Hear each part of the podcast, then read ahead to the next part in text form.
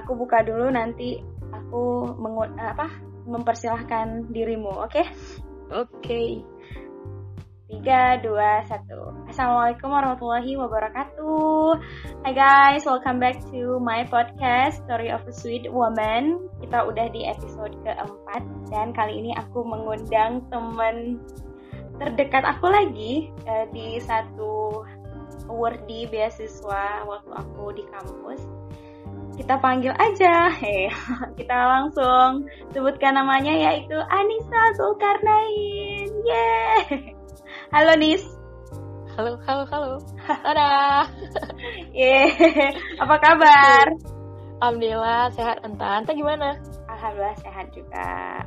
Mantap, mantap. Uh, ini nggak kaget kan aku ngajak ke podcast? Lumayan shock nih. ini Sianta ngapain gitu kalian? iya. Ya Allah. Kenapa ini tiba-tiba udah ada podcast aja? Iya sih. Setelah ngisi waktu kosong, banyak kan waktu kosong aku. Macam betul aja. dong, Alhamdulillah. Enggak lah, enggak lah, enggak banyak waktu kosong. Kan aku aku biasa biasanya nervous nih. Jadi maklum ya kalau aku salah-salah ngebacot. Iya, aku juga nervous nih tiba-tiba Iya tiba-tiba kan? diajak sama Anta collab. Kan rasanya aku bekuah gitu Anta. Aduh, udah berapa lama setelah kita wisuda XLSL? 2017 tiga tahun. Oh my Hampir tiga tahun. November ini tiga tahun. Tiga tahun tuh rasanya wow. Itu Iya. habis habis lulus.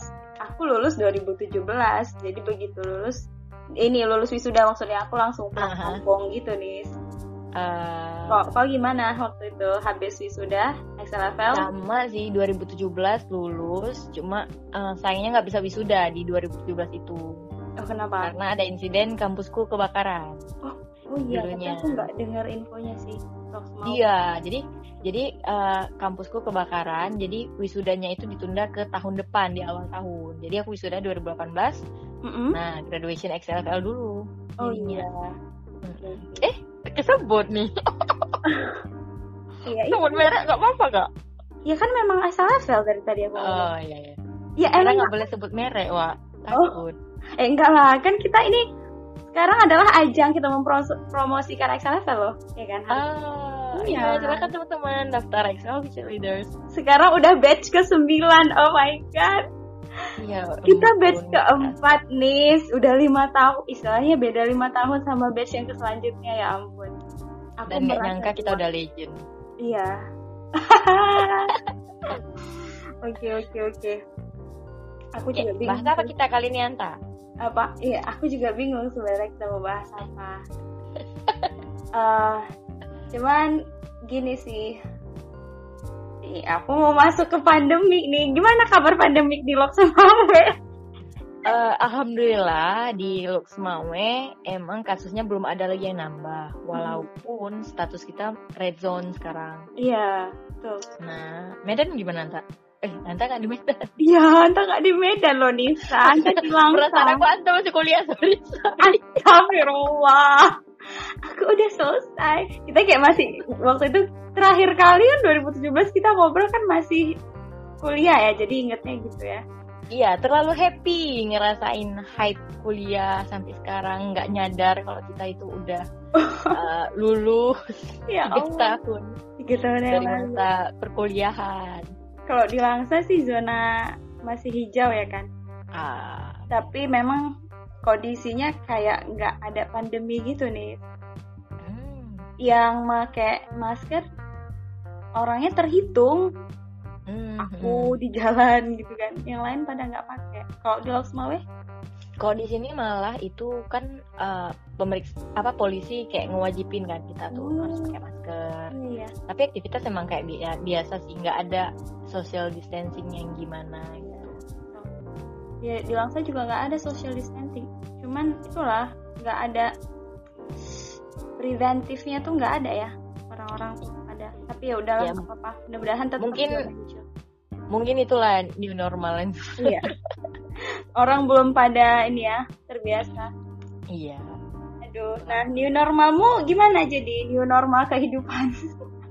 Ya, yang pastinya banyak kegiatan yang yang selama pandemi ini berhenti kan. Mm-mm. Contohnya kayak kerjaan. Jadi mau nggak mau kan kita di rumah aja. Iya, Jadi betul. ya habisin waktu dengan cara bermanfaat tapi jangan sampai gila lah kan karena di rumah aja.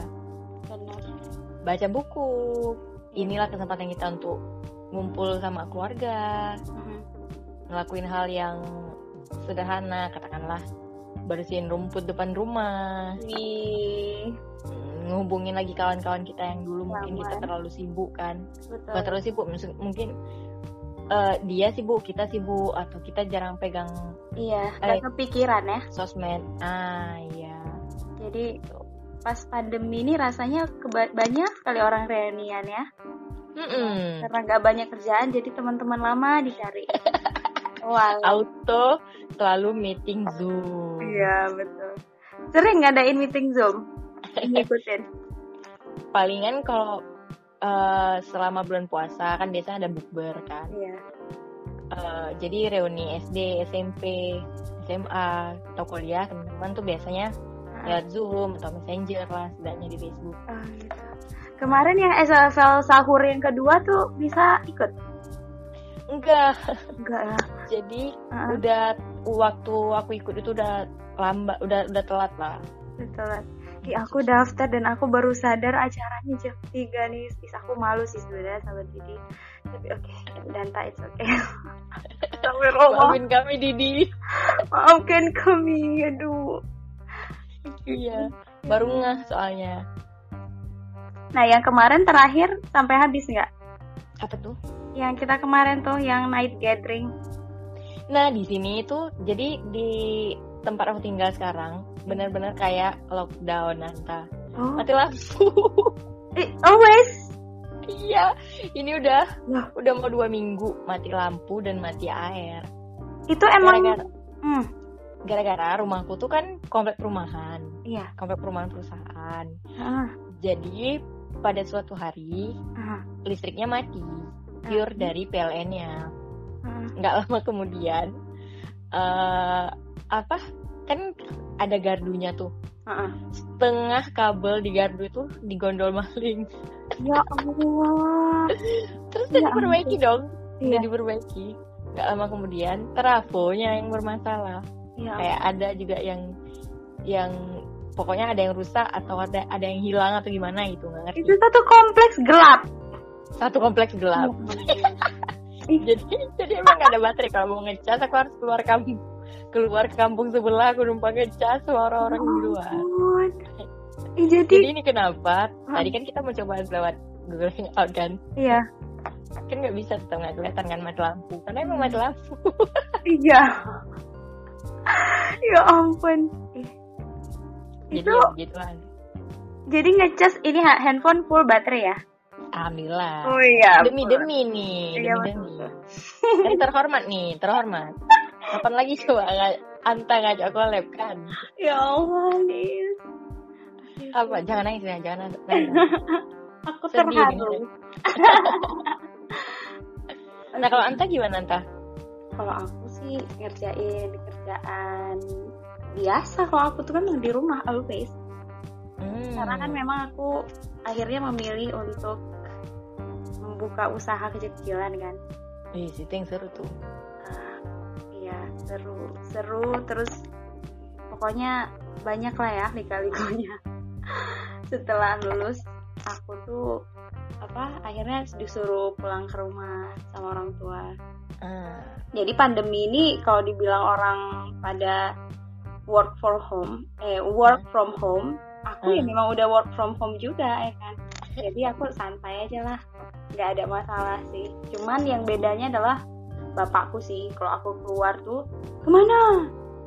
Ini ibu itu ikuti kata kata presiden lockdown sekarang bla bla bla bla bla keluar harus pakai loh pokoknya luar biasa bapakku tuh ke mana-mana kalau misalnya waktu se- sebelum pandemi aja itu udah seprotektif itu apalagi masa kayak gini gitu kan. Aku kayak ya udahlah nggak apa-apa lah. Kalau Ya iyalah. paling ya paling bisa uh, izin keluar kalau dikasih ya udah dikasih. Kalau enggak ya udah enggak gitu. romantis dong. Kan uh, sang raja emang melindungi tuan putri. Tuan putri. ah aduh lebay. Bapakku memang tapi ya gitulah ya namanya orang tua. Dan aku menyikapi ini sih justru malah kayak eh, orang-orang uh, kerja kepada kerja di rumah bosan kan? Kok aku nggak ngerasa bosan ya gitu. Padahal aku orangnya nggak tahu ya uh, kalau apakah orang yang namanya ekstrovert itu selalu suka yang di luaran? Tapi aku kenapa enggak gitu? Tapi aku tipikal yang ekstrovert.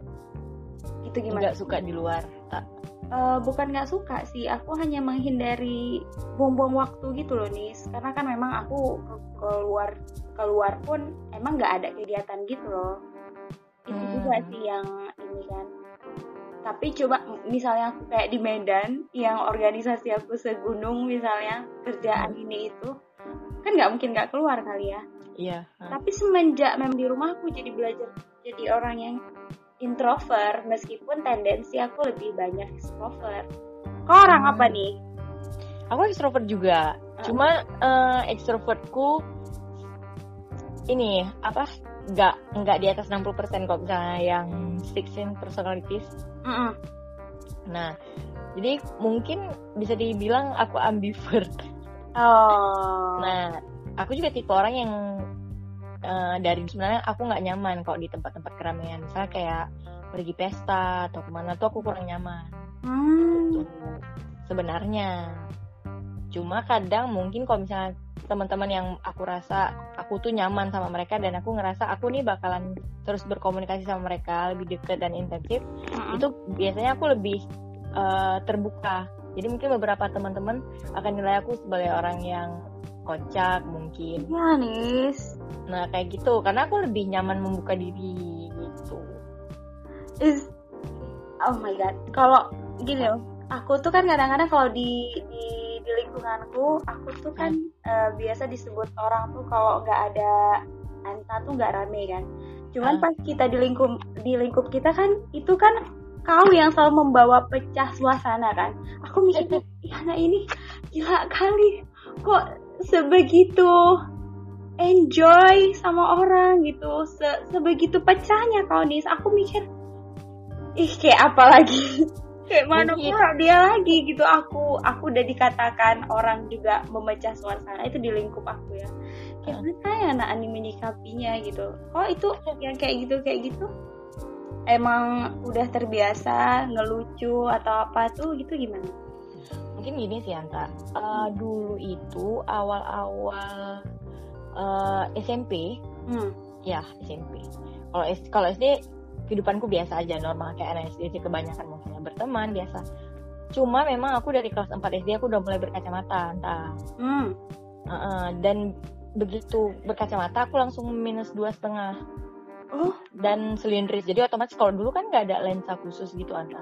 Hmm uh, kacamatanya tebal kan. Yeah. Nah, waktu aku masuk SMP, aku masuk ke SMP salah satu SMP favorit tuh di kotaku. Hmm. Sedangkan aku tuh dari uh, eh, SD yang biasa aja. Nah, di situ aku udah mulai di, dibully-bully, diejek-ejek katanya mirip alien lah, nenek lah gitu. Ya ampun.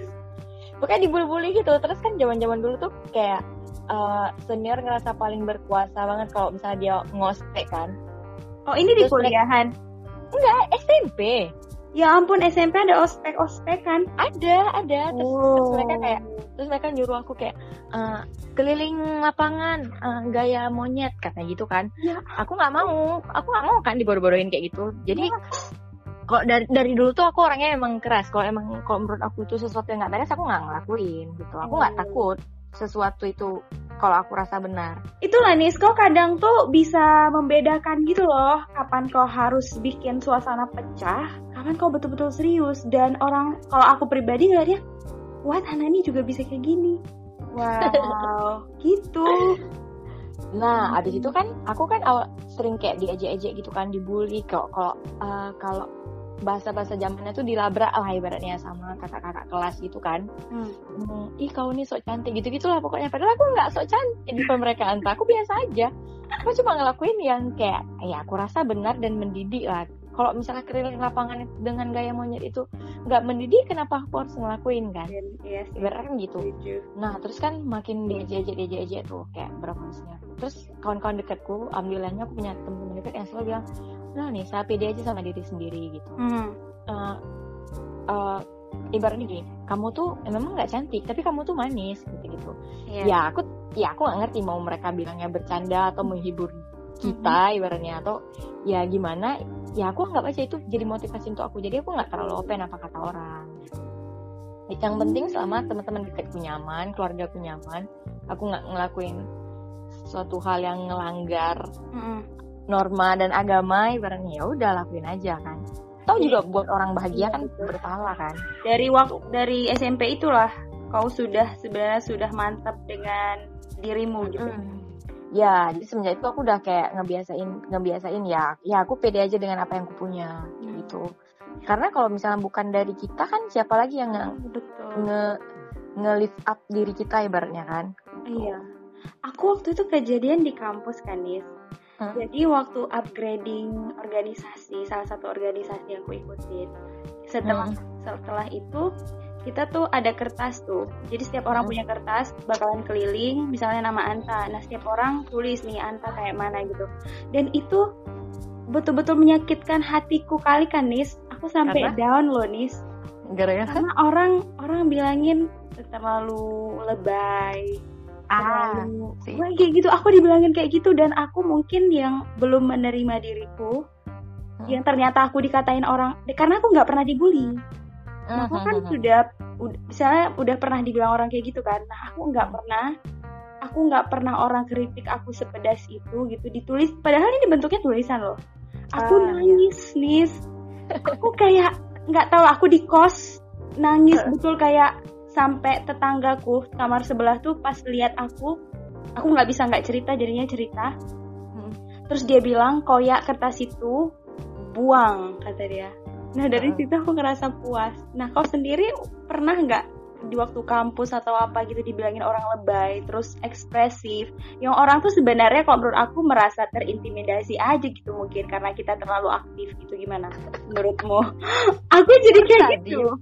Pernah pernah sih. Tapi aku jadiin kayak bahan lucu-lucuan aja. Hmm. kalau aku pribadi mungkin karena uh, pengalaman di SMP di SMP itu membekas kan waktu itu kan ibaratnya kita teenager yang lagi tumbuh-tumbuhnya iya betul tapi ibaratnya kita dihina-hina dengan kondisi apa dengan kondisi kita yang biasa aja gitu hmm. misalnya kita bukan dari keluarga yang kaya kita bukan dari uh, apa suku atau apa yang yeah. yang ibaratnya sesuatu yang mungkin bagi mereka tambah nilai plus lah ibaratnya mm -hmm. gitu. Nah selama kuliah uh, paling mereka ada beberapa temanku yang ngeliat kayak aku kan terlalu bersemangat gitu. Mungkin kalau yeah. beberapa orang yang ngeliat kayak bukan terlalu uh, sih emang semangat. Mungkin kayak ayo ayo aku yakin kita dapat nih ya kali ini coba gini gini gini gini gitu kan. Iya. ketika bahkan orang lain kayak ngeliat uh, alah nggak mungkin kayak gitu. Kayak misalnya mau tes XLPL alah nggak mungkin orang dari kampus kita tuh belum pernah ada yang lulus nah gitu gitu ya aku kayak yaudah ayo coba gitu gitu iya. Sama motivasi mereka, mereka kayak ada, beberapa yang bilang kayak gini hmm, Nisa udah lah nggak usah mimpi tinggi tinggi kalau ya, ampun ada Nis. Ada iya, ya, iya, iya. kalau jatuh tuh sakit. itu circlemu gitu yang ngomong gitu. Iya circleku loh. Itu memang kalau bahasa bahasa lainnya tuh kayak ring satunya. Iya benar yang ngomong itu kayak kayak aduh sakit kali kan. Terus misalnya iya. aku foto foto tuh kan aku suka kayak senyum lebar kayak gitu kan. Uh -uh. ya nggak tahu aku terinspirasi aja dari, dari Nelson Mandela. Jadi ya, Nelson Mandela iya, aku tuh pernah tahu dan baca di postinganmu. Mm -mm, jadi Nelson Mandela tuh kayak dia nyembunyiin kesedihannya kalau misalnya kita cari di Google ataupun cari-cari yang tentang tentang dia tuh jarang kali foto dia yang cuma senyum eh, nggak uh, nampak uh, uh, senyum tipis gitu kan. Rata senyum nampak gigi karena dia pengen kayak ya aku nunjukin ke orang kalau aku tuh bahagia gitu. Nah itu juga dikomentarin. Ah, terus kayak ada yang bilang bisa foto ketawa kau kayak pisang satu sisir. Oh, oh, oh no. That mean. Tapi ya mungkin di sisi lain itu hurts kok. Kayak tapi ya udahlah ya kan. Ya tapi kayak ya ya udah terserah aku jadi lucu-lucuan. Iya aku jadi itu lucu-lucuan. Terus aku juga kayak pernah dibilang sama dosenku Anta. Kok mungkin Anta kemarin tuh eh Anta pernah dikasih kritikan tertulis. Mm -mm. terus Anta koyak kan Anta mm. buang. Nah kalau dosenku tuh pernah ngajarin kayak tulis semua kekurangan semua hal yang nggak kamu suka. Tulis tulis tulis apa itu. Terus bakar. Mm. ya udah bakar mm. kayak mana kertas itu What, udah ya? hilang? Mm -mm, kayak mana kertas itu udah hilang ya seharusnya kita juga ngebiasain. Ya, betul betul. Hilang. Bener aku juga termotivasi setelah itu. Dan energinya tuh kayak besar gitu loh waktu itu. Iya. Dengan pas manjanya shy oh, ya ampun. Nah bilangnya gitu sih sampai sekarang. Aku jadi lebih belajar gimana uh, bersikap masa bodoh. Mm. terutama habis kuliah itu berfungsi menurut aku mm betul ya gitu proses pencarian diri semasa kuliah itu gimana? Kalau aku nih menurut aku ya, uh-huh. quarter life crisis itu nggak semua orang ngalamin. Iya.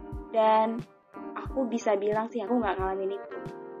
C, nggak juga sih. Maksudnya karena aku I know what I'm doing gitu. Kalau yeah. Nisa gimana? Nah, kalau aku jujur aku baru-baru baru aja ngerasain dan baru aja ngelewatin masa itu. Hmm. Karena kan kalau quarter life crisis juga menurut aku beda-beda rentang umurnya bisa jadi yeah. dia mungkin ngerasainnya di umur 21 bisa jadi dia ngerasain umur 25 nah aku baru-baru ini ngerasain hmm. karena uh, beberapa waktu lalu uh, setelah lulus lulus dengan predikat cum laude di waktu yang tepat itu rasanya nggak enak hmm? karena setelah setelah lulus tuh jadi tanggung jawab untuk kita di sisi lain emang membanggakan. Yeah. pertama membanggakan orang tua kan. Orang tua kan mau gimana pun prestasi kita dari organisasi tetap mana? Yeah. aku mau anakku wisuda. Aku mau foto dengan anakku kayak begitu. Gak pasti gitu kan ya? Iya. Yeah. nah uh, awal-awal awal-awal lulus tuh kayak beberapa eh enggak banyak orang yang kayak bangga kan? Oh Nisa lulus dengan prestasi selama kuliah jadi mau apres lulus XLFL pernah magang di Kementerian Luar Negeri ini ini, ini itu semua. Kayak uh, ya orang bangga. Kayak orang bilang kayak ini pasti Nisa begitu lulus langsung dapat kerja. Ekspektasi orang dong. Hmm. gitu kan? Yeah. nah tapi faktanya setelah lulus aku butuh waktu lama untuk aku bisa dapat kerja entah. Mm -mm. jadi setelah lulus kemarin itu uh, aku tes lamar kerja sana sini aku nggak lulus mm. sampai aku tahu kalau masalahnya itu aku di mata. Oh. nah mataku minus 8 waktu itu. Oh. Minus 8 dan silindris eh, dua setengah. Kebetulan uh, aku tahu terakhir kalau salahnya di mata terus menerus karena emang waktu lamar kerja aku evaluasi aku tanya ke rekruternya salahnya apa? Mata mata mata mata. Sampai terakhir di salah satu stasiun TV hmm. uh, apa lowongan jadi news anchor lulus lulus lulus sampai terakhir interviewernya eh apa? Ya yang pewawancaranya bilang kamu tahu nggak sebenarnya salah kamu tuh apa? Hmm. salah kamu tuh mata. Kamu lihat nilai kamu. Jadi sampai dilihatin tuh nilainya antar dan nilai aku tuh kayak 95 93 gitu. Iya. Uh, sound kamu tuh di mata katanya. Kalau orang lain news anchor lain pakai kacamata itu sebagai style kalau kamu pakai kacamata tapi kamu uh, kamu kelihatan kalau kamu tuh sakit kamu butuh kacamata katanya gitu mm-hmm. sampai terakhir aku harus itu proses aku cari kerja kayaknya ada mau setahun setahun mm-hmm. ya ada mau setahun nanti mm-hmm. aku mutusin eh kebetulan orang tua aku ada rezeki mutusin untuk lasik mata mm.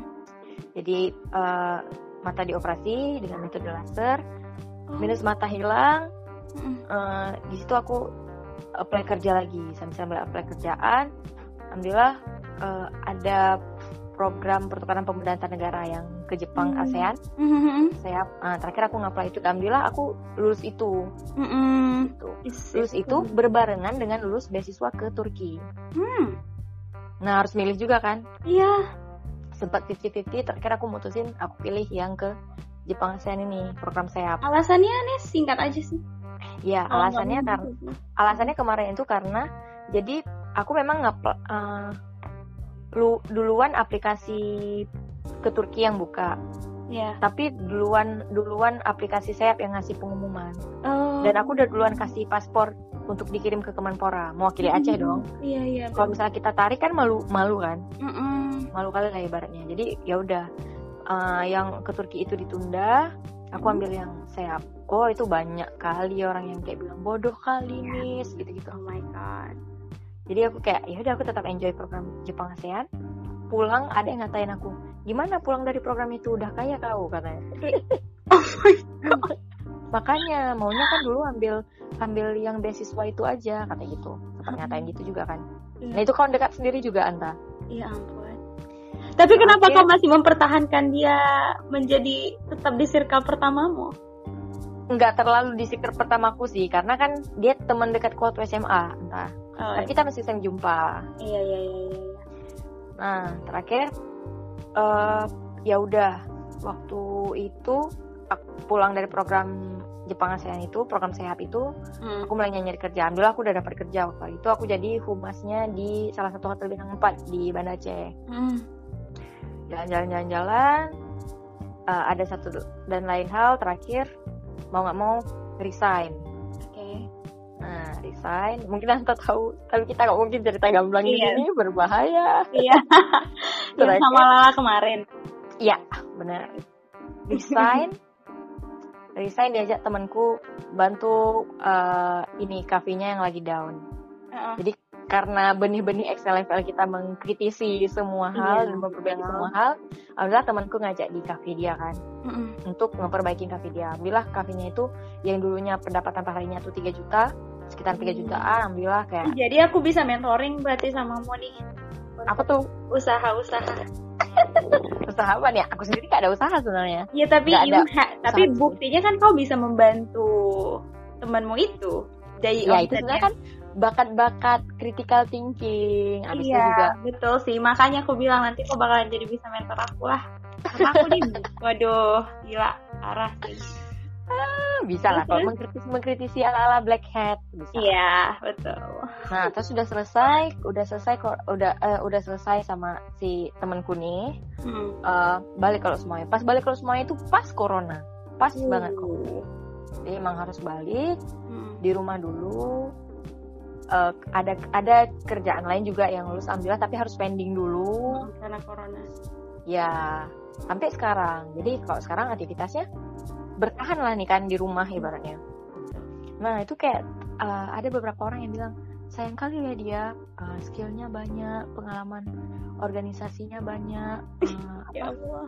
menang program sana sini selama kuliah itu yang keren ngomong. tapi sekarang dia pengangguran di rumah kata gitu. Ya ampun aku ya, aku ngomong. gini sih aku nggak pernah sih dengar kayak gitu. Dan orang di kampungku tidak mengakui gitu loh aku di luar tuh punya prestasi. Ah. yang yang tahu mereka justru sebenarnya ya itulah uh, keluarga tuh punya plus minus ya. Keluargaku bahkan ya mereka nggak peduli gitu loh aku udah ngapa-ngapain aja. Yang penting kau di rumah kerjakan amanahmu gitu yang orang tua mau gitu. Kerja uh, kalau disuruh ini inilah gitu pokoknya orang tua aku mau tunjukkan keberbaktianmu pada kami gitu nah itu yang terpenting dan di situlah aku belajar banyak mm -mm, tanggung jawab Nah, kalau misalnya kalau misalnya Anta mungkin kan karena Anta kuliahnya di luar.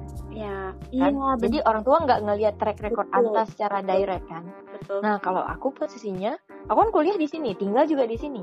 Oh iya ya, nggak ngekos iya, kan? ya? Iya, aku kuliah di Universitas Markus Saleh, jaraknya tuh nggak jauh dari sini sekitar oh. 30 menit. Rumahku di iya.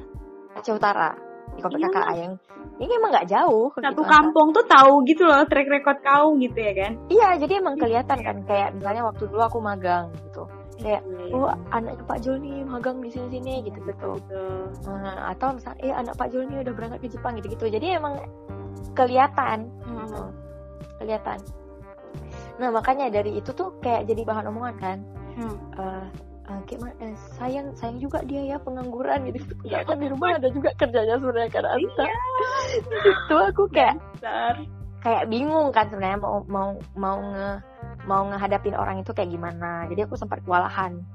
Terus utama apa ditambah lagi kita perempuan kan? Iya. Kalau di Aceh itu pasti tanya kapan-kapan nikah. Iya. lumayan nyebelin juga sih iya itu kan nah kan kita udah punya pemikiran sendiri udah iya. punya uh, apa kita udah punya pemetaan sendiri lah ibaratnya. Iya. Jadi itu sempat kayak buat aku uh, merasa tertekan karena ekspektasi-ekspektasi orang lain. Mm gitu. Yang walaupun orang tua aku sendiri nggak nggak taruh ekspektasi itu ke aku. Nah, Cara kan keluar dari itu. lingkaran itu, lingkaran setan tadi tuh quarter life crisisnya kayak mana? caranya aku turn down sosial media stop hmm. ngebandingin diri sendiri sama orang lain stop stop stop hmm. stop hidup untuk ekspektasi orang lain stop Betul. jadi aku ngerasa uh, aku aku pikir lagi kenapa waktu SMP aku bisa sesantui itu ibaratnya aku juga kepikiran mah Iya kan, jadi jadi kayak kita berkaca dulu mudah kok, kenapa sekarang kayak rasanya sulit? Karena sebenarnya kan sama aja, cuma beda versi iya. kasusnya, iya. gitu gitu kan. Jadi sekarang aku lebih enjoy aja, ya udah gitu. Benar. Bawa santai. Karena orang kan beda-beda, ada yang begitu lulus udah dapat langsung nih mm. targetnya mau apa gimana, misalnya kayak Anta gitu. Iya. Ada orang yang udah udah udah kayak gitu, udah tahu mau ngapain, udah tahu mau ngapain, tapi waktu dia ngelakuin itu belum belum belum tepat sasaran aja anak panahnya ibaratnya gitu kan. Iya, nah, tapi aku juga nggak sekonyong-konyong tahu loh. Sebenarnya aku juga nggak sekonyong-konyong tahu aku mesti ngapain nih karena gini loh nis begitu aku lulus wisuda uh. 2017 bulan 11 itu selesai wisuda aku langsung dibawa pulang sama bapak mama aku. Hmm. yang aku padahal ngeplanningnya ya you tau lah kita belajar cara bagusin CV gimana ya kan? Iya. Pokoknya cara ngelamar kerja di mana gimana. Oke okay, planning aku kalau misalnya aku nggak nggak nggak sambil lah sambil aku ngelamar kerja di tempat yang aku inginkan aku bakalan nge-propose buat beasiswa. Kan gitulah ya kan? Idealnya kita lah.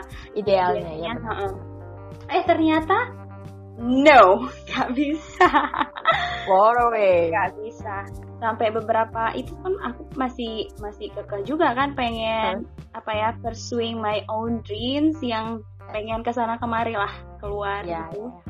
Uh, bapakku nggak kasih gitu. mama aku juga ngasih mereka punya uh, punya impian sendiri aku tuh harus ngapain gila ah. parah sih ya namanya tipikal orang tua yang mau anaknya itu ingin seperti apa yang dicita-citakan dia dulu gitu ya kan hmm. pengen mimpi dia tuh jadi ke anaknya nah hmm. akhirnya aku uh, apa ya aku nggak sampai me kan mungkin ada yang orang krisisnya parah ya sampai dia tuh iya. nggak yeah. tahu mau gimana gimana gimana aku langsung turn down langsung apa ya uh, beda haluan gitu loh nis oke okay, nggak apa-apa mm-hmm. fine aku jadi nge-mix antara ke keinginan orang tuaku sama aku gitu satu hal sih sebenarnya yang aku waktu itu pengen uh, mastiin lagi apakah aku diizinkan aku kan pengen tetap S2 kan nih aku tuh mm-hmm. udah planning aku udah belajar TOEFL aku udah catet di kalender aku kapan aku tes TOEFL di Medan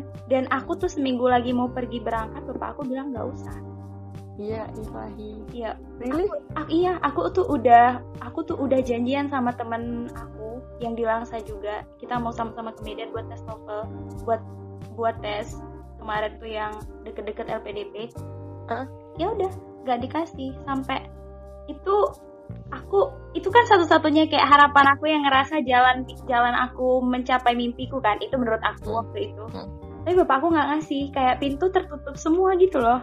Nis. Jadi terakhir gimana? Iya terakhir aku tadi itulah. Mungkin aku ambil aku nggak mau sih uh, terlalu berlarut di situ gitu. Kayak hmm. kayak uh, Allah mengilhami harus ada jalan pasti ada jalan. Ya udah aku uh, let go that dreams mimpi itu hmm. aku cari mimpi. Kalau aku bilangnya jalan menuju mimpiku. Nah mimpiku itu kan sebenarnya aku tuh pengen jadi pengusaha gitu hmm. itu itu ultimate dreams aku karena aku pengen yeah. jadi ibu rumah tangga yang uh, ibu rumah tangga tok tok tok tapi nyambi sambil ngusaha berpenghasilan hmm. tapi ya namanya aku juga melewati Excel FL terus uh, apa namanya kemarin conference juga ini itu kan hmm. jadi banyak yang mempengaruhi kita kan nih hmm, jadi iya, tapi iya, ya gitulah kira-kira jadinya banyak masukan akhirnya tetap pengen jadi pengusaha mungkin kerja dulu gitu uh, ya. misalnya uh, apa ya beasiswa S2 dulu gitu kan gitu hmm. jadi kenapa aku nggak apa-apa karena itu tadi oh mungkin bukan ini jalannya gitu aku kayaknya nggak mesti S2 juga sih untuk jadi itu lebih ke ini sih Anta kalau Anta jago berdamai dengan diri sendiri. Ya, yeah, that's so true. Nggak tahu aku dapat dari mana, tapi tuh kayak in a split of second gitu loh, Nis. Alhamdulillahnya sih. Jadi aku nggak kayak is teman-teman aku di Medan aku ya udahlah ya terserah lah ya orang tuh mau ngomongin apa entah kok keren loh ini juga teman dekat aku sih tapi tapi kami tetap sharing cuman dia hmm. menyayangkan keputusan aku gitu bahkan ya. tahu bahkan huh? dia tuh kerja dia kan kerja di salah satu perusahaan lah uh, di Medan kan hmm. uh, perusahaan pendidikan hmm. terus nah ini ada lowongan dan dia tahu sebenarnya kalau aku udah start clothing line aku gitu. Uh-huh. dia tetap dia tetap kekeh. Ayo lanta aku pasti lulus gitu kata dia. Aku aku sebenarnya sedih karena oke okay, dia peduli memang. Tapi yang sedihnya itu apa dia nggak percaya gitu aku bisa bisa memajukan usaha yang aku bangun gitu loh. Oh. ngerti kan di situ aku ngerasa kayak temen-temen deket aku juga nggak ngerasa aku bisa. Tapi aku berkali-kali sih bilang sama dia kalau aku mau udah aku ambil gitu. Tapi aku harus kekeh di sini gitu. Karena ini jalanku. Pun aku ambil ke sana orang tua aku pun nggak ngizinin. Kan sama aja kan? Iya sih. Jadi aku karena balik tadi ke izin orang tua tadi kan? Iya. Jadi pun ada juga orang-orang yang ya gitulah. Terus aku kan nyambi ngajar juga kan. Kadang-kadang uh, ngajarnya punya, uh, ketemu sama orang tua muridnya uh, Miss ini ada lowongan aku ngerasa kayak you know that feeling? Nggak tau lah aku ngerasa kayak oke okay, fine fine I gitu loh. imagine. ya ampun enough guys enough. I'm doing what I do gitu loh. Udah gitu. Aku aku pede kok sama yang aku lakuin. Aku kayak iya makasih ibu gitu aja. Aku aku ngerasa kayak dikasianin sometimes aku nggak suka gitu loh ngerasa dikasianin nih tapi oke okay, fine nggak apa-apa. Oh my god fine. what a weird feelings. Ya kan? Tapi ya udah. Mau nolak nggak iya tahu kan? mau senyumin aja gak enak. Oh tapi itu aku bersyukurnya uh, secepat itu aku bisa berdamai. Aku nggak nggak hmm. marah-marah gitu. Hmm. gitulah tapi nah. memang banyak nangisnya tapi yang kayak kayak gitu tuh anta yang yang yang yang dibutuhin uh, oleh mental seseorang setelah dia lulus kuliah hmm. karena ibaratnya kayak gini uh, kalau dulu kita kita SM, SMA ibaratnya ih susah kali SMA pengen cepet-cepet kuliah lah ya. karena ngerasanya bakalan celing gitu kan sama juga kayak kuliah ih kuliah nggak sabar nih menghadapi dunia kerja begitu dunia kerja hmm. jangan jangan nangis gitu kita udah harus udah siap gitu ibaratnya kan kalau proses untuk kalau kata Didi nih yeah. fasilitator kita di SLP proses kita untuk uh, jadi besi lebih panjang prosesnya daripada cuma jadi kayu yeah. yang dibakar selesai habis tuh kan yeah. nah mental-mental kayak gitu tuh yang dibutuhin dan kayaknya aku harus belajar berdamai nih Antan next mentoring kan belajar berdamai dengan diri sendiri ya kan Iya kan karena nggak tuh selesai sama dirinya sendiri. Iya karena nggak semua orang bisa punya sikap itu Anta. Iya. Dengan serta merta kayak ah ya udah gitu kan. Iya. Lebarnya lebih legowo lah. Hmm. hmm. Sih menurutku. Waduh, emang panjang topik kita nih. Iya. Berat, deep. Tapi tetap lah, kita pasti sometimes keraguan itu pasti tetap ada ya kan Pasti. gimana cara kita memang mentone down dia supaya kita tetap maju gitu mm-hmm. kayak aku uh, kalau aku sih kalau teman-teman aku tuh ada yang bilang ya udahlah nikmatin hidup aja gitu cuman gimana ya kalau aku jadi biasa aja aku nggak nikmatin hidup aku gitu aku harus gimana ya minimal untuk diriku sendiri aku tuh menganggap diriku uh, kau tuh kita tuh harusnya jadi orang yang extraordinary gitu. Mm-hmm. lebih dari kita yang sebelumnya. Berarti kan emang setiap hari kita harus lebih kreatif kan develop diri kita. Ya gitu. terus sih. Makanya juga aku start podcast ini karena aku ini aja udah aku ngomong ke orang keempat itu aku masih nervous loh nih aku juga nggak belum mampu se me, memperbaiki setiap diksi yang aku ucapkan tapi itulah ya proses proses belajar itu ya? Ya kan man manusiawi. Ya. balik lagi kalau kata fasilitator kita. Yes. Macan panggung itu nggak kebentuk sehari kan? Iya betul. Betul sih. Ya. Anta gitu juga macan podcast. Dia nggak kebentuk sehari. Uh, betul, satu betul. dua episode. Iya betul betul. Luar biasa. Kayak kemarin kan uh, hmm. sama uh, sejunior aku. Uh, kakak kakak nervous loh. Iya aku nervous emang. Sampai temen aku bilang lo an uh, di dia bilangnya lo Anta nervous juga? Ya iyalah dia nervous lah dia dia pikir kan orang yang kayaknya kira-kiranya mampu gitu nggak nervous gitu. Padahal walah. Padahal hmm, putus-putusin urat malu. Oh, iya. ya Allah aduh entahlah nggak ngerti aduh nggak ngerti lah nih betul tapi ya udahlah yang penting kita tahu apa yang kita lakuin kan nis iya Ya, at least sebenarnya harus ada uh, pemetaan juga kan dalam hidup kita. Ya. Jangan yang kayak sembarang jalan-jalan tabrak sini tabrak sana yang penting kerja gitu-gitu kan. Hmm. Kita kan kita nggak tahu meaningnya apa, kita nyaman enggak, kita enjoy atau enggak gitu kan. Iya. Apa pun sih. Makanya harus ada uh, individual development plan. Yes.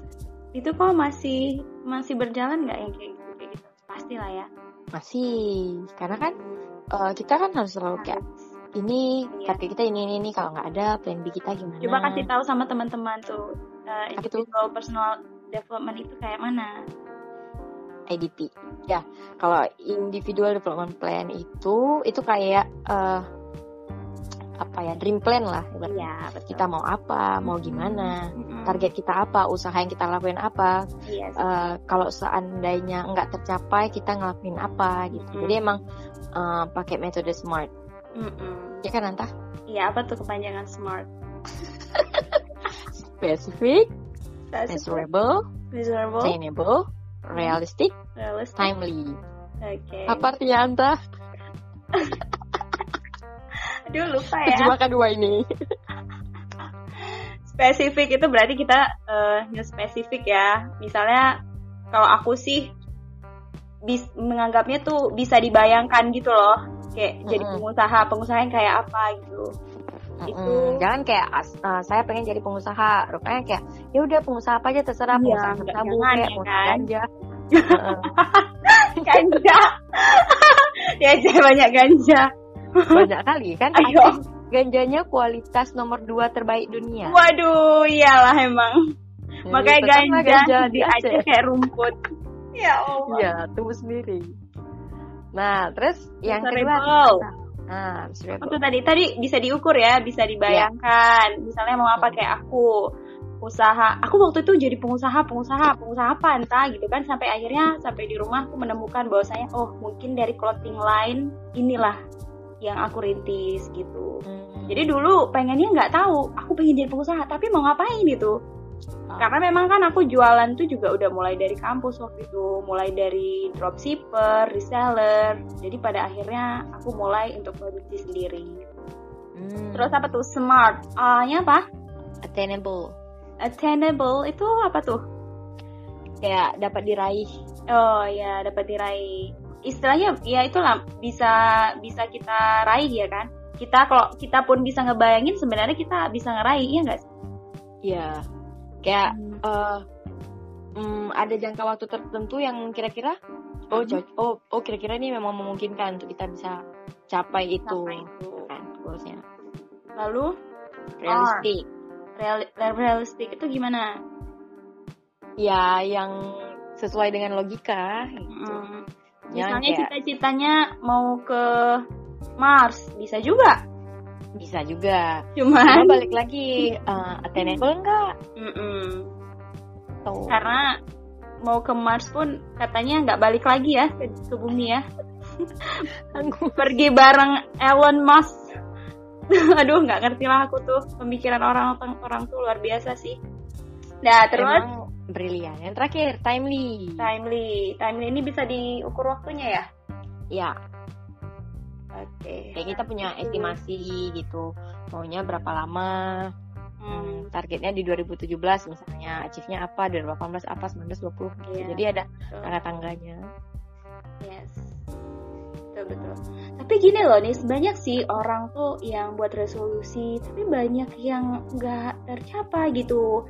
Kenapa ya tuh orang-orang taunya resolusi doang, cuman eksekusinya tuh nihil. Nah, menurut Lisa kayak mana? Kalau menurutku uh, pengalaman pengalaman pribadi. Hmm. Kalau aku bandingin itu karena sebenarnya kan ada orang bilang bahwa nulis itu akan lengket di kepala kan. Iya.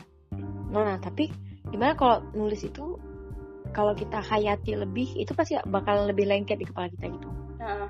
Kalau misalnya ibaratnya kalau kata-kata yang dari film 5 cm kamu tulis kamu taruh di kening kamu biar kamu lihat kan mm -hmm.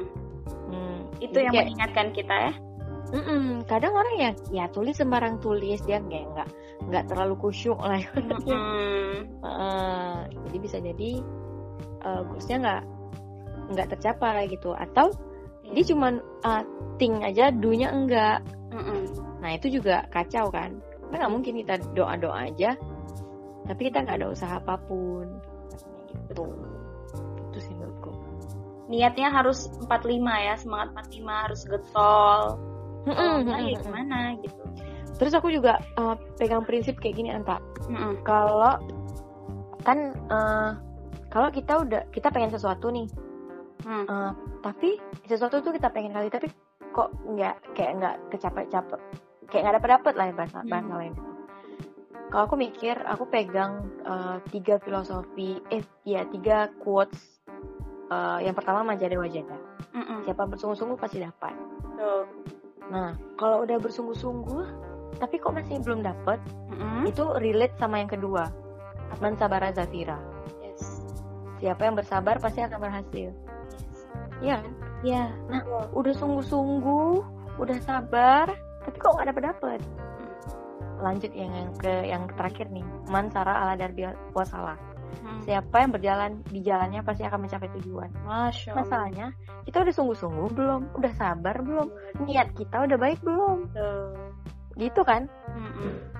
Ya kalau misalnya udah tiga-tiga itu tiga-tiga eh misalnya udah nggak tercapai itu kayaknya evaluasi lagi deh relate nggak sama tiga hal itu nah itu yang aku lakuin Anta Iya.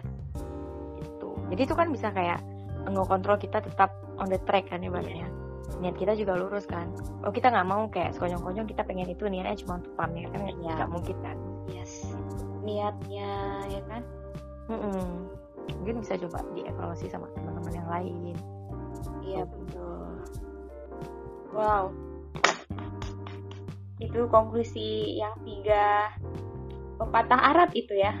Iya pepatah Arab. Tiba-tiba aku jadi bijak anda emang kok bijak kok nih kok bijak jadi itulah yang kita makan selama di XLFL itu yang buat kita bijak sebenarnya. Alhamdulillah ya. Alhamdulillah. Ya kadang-kadang kita ag agak lost of control sedikit nggak jelas pas Medan. Tapi aku sayang. Kita bersyukur memang kadang-kadang kita dapat opportunity yang orang lain nggak dapat. Tapi iya. itulah di sinilah letak kebermanfaatannya kita mencoba sharing ya Nis gitu oke okay lah mantap kali lah dah nih udah hampir satu jam. Cucuk tapi mewah. gini pertanyaan ya. terakhir. Apa? Ini kan podcastnya judulnya Story of a Sweet Woman. Aku emang aku manis nah aku tanya dulu nih. Definisi uh. sweet woman samamu apa sih? Menurut aku definisi sweet woman adalah orang yang percaya diri dengan apa yang dia punya.